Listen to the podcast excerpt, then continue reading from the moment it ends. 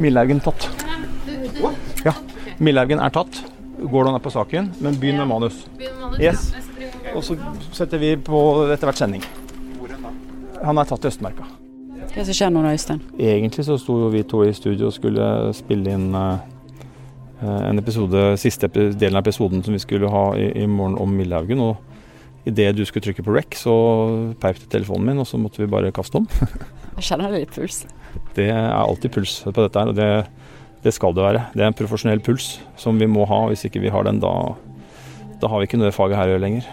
Dette er en stor nyhet, så nå er alle rundt oss her. Eh, nå sitter vi på desken i veggen. Nå er, her er nyhetssjefer, frontsjefer, reportere. Alle her nå eh, jobber med å Noen reiser ut, og noen forbereder TV-sending, og noen forbereder manus, finner bilder. Så endte altså klappjakten på dobbeltdrapsdømte Stig Millehaugen i Østmarka klokka 10.30 onsdag. En medtatt 53-åring hadde da vært ca. 163,5 timer i det fri. Eller enklere sagt vært en uke på rømmen. Dette er en ekstra episode om pågripelsen av han som har blitt kalt Norges farligste mann. Jeg heter Vilde Worren og er produsent i Krimpodden.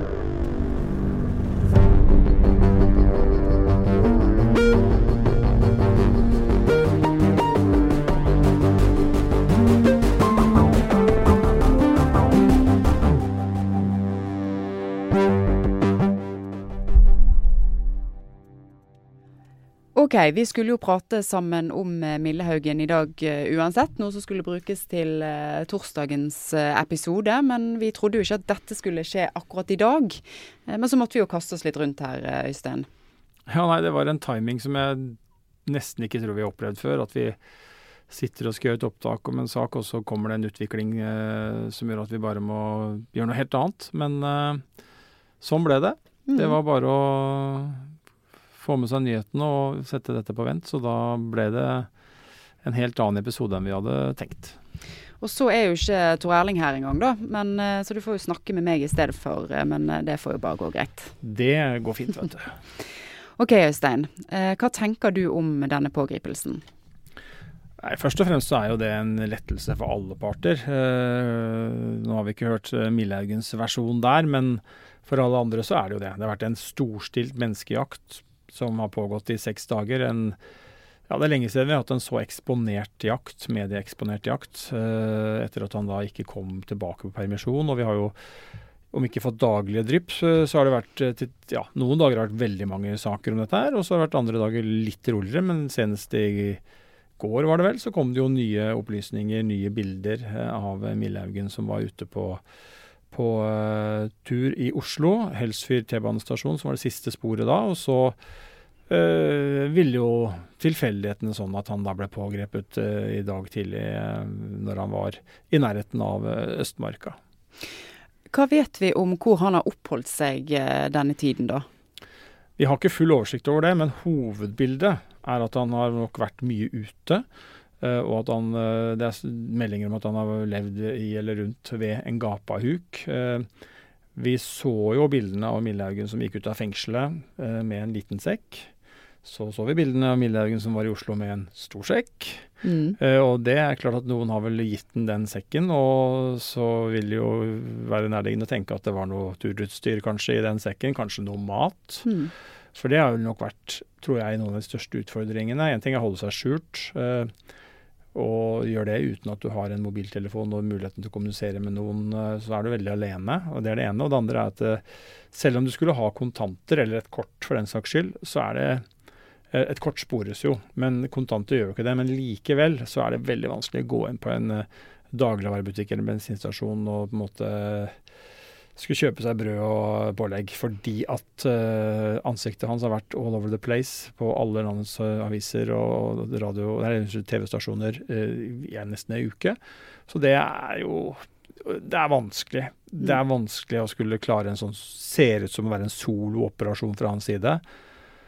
Uh, skulle han klart å være lenge ute, så tror jeg han måtte hatt en medhjelper som var trofast, og som gjorde at han kunne få de forsyningene vi snakker om nå, til en hytte ute eller et annet sted ute som ingen andre visste om eller dukka opp på. Men det ser jo ikke ut som det har vært sånn.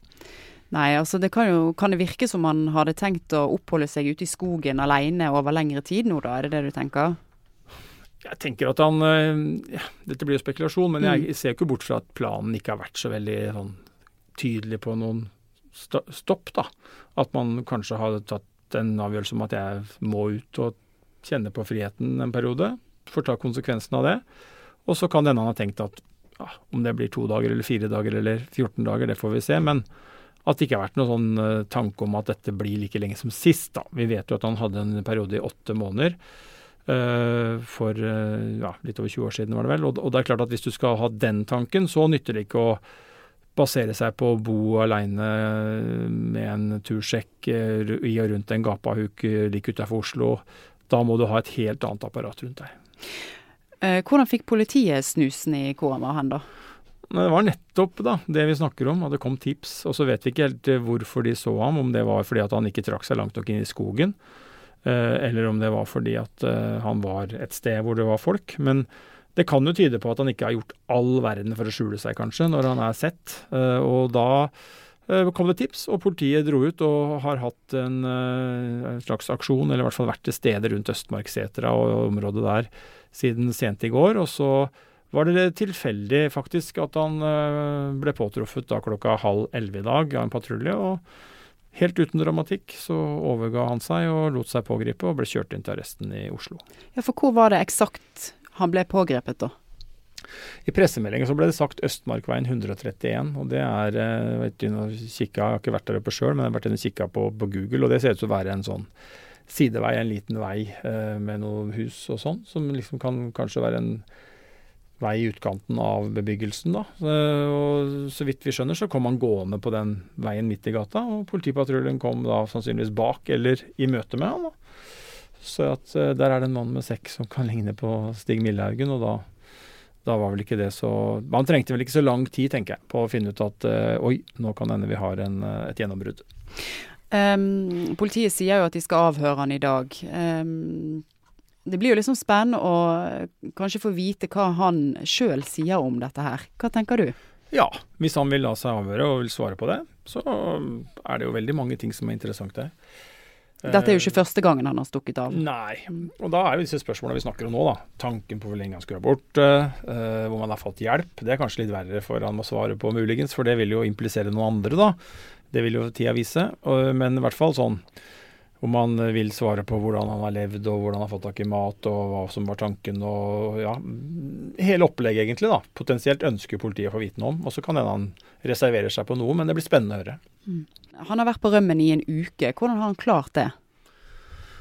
Jeg tror jo, men dette jeg også tror, med store bokstaver, at han må ha fått eh, kanskje også noe mat i denne sekken som han fikk, eller i hvert fall skaffa seg det ganske fort eh, før han forlot Oslo sentrum. For jeg tror at de der første timene hvor han var liksom fra han Ja, før han ble etterlyst og fram til folk fikk det med seg. For det en ting er at det går ut i mediene, så er det ikke alle som får det med seg med en gang. Men jeg tror liksom den første døgnet, eller ikke døgnet, men første dagen, da, når det dro seg mot midnatt forrige onsdag, da tenker jeg at den sånn gylne åpningen sett fra hans ståsted var i ferd med å lukke seg. Mm. da, han kunne sikkert klare å få tak i noe da de kveldstimene hvis han var heldig, og de som så ham eventuelt da ikke visste hadde fått med seg at han var etterlyst. Men etter hvert som denne saken bare har eh, dominert i norske medier, så har det blitt verre og verre og verre å skulle f.eks. handle.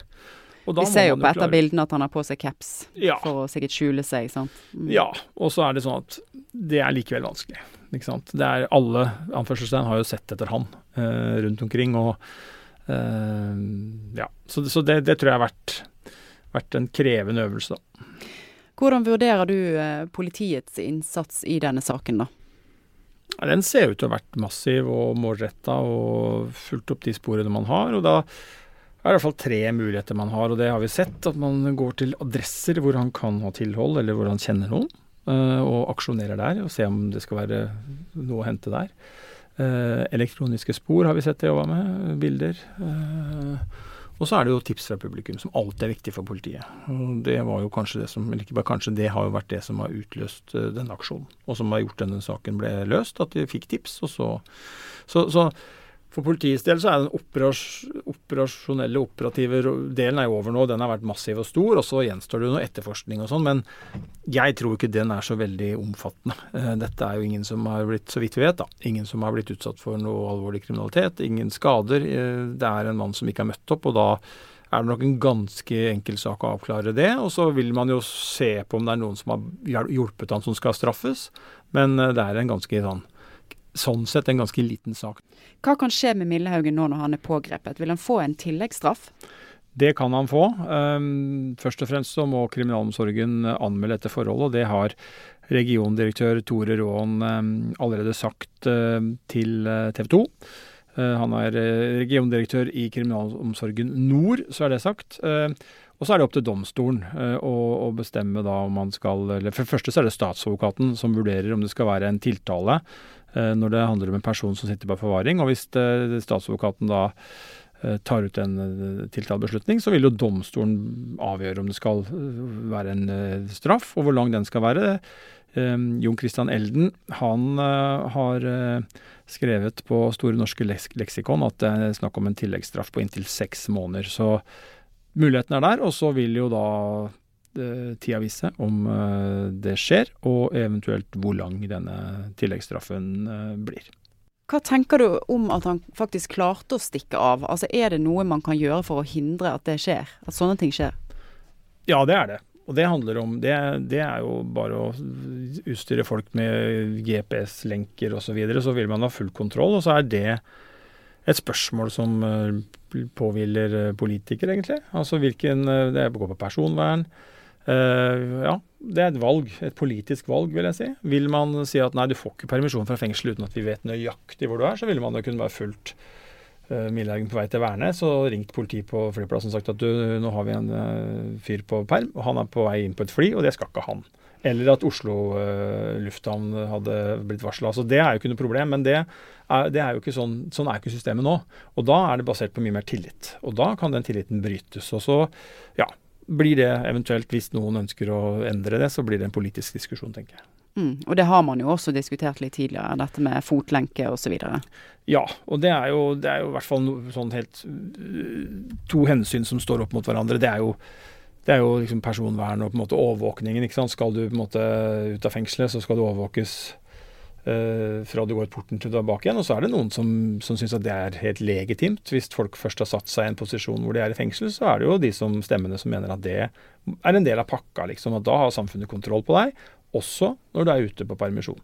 Og så er det de som tenker at de har godt av å på en måte ikke bli overvåka i 8, 10, 12, 14, hva det er av år, da. Og at man har den friheten eh, de timene. At det er såpass få tilfeller hvor det blir misbrukt at ikke det er et problem som er så stort at man må gå til de inngripende tiltakene det er å spore et menneske eh, med en GPS eller hva det måtte være. Så det, det blir et verdivalg, kanskje. da.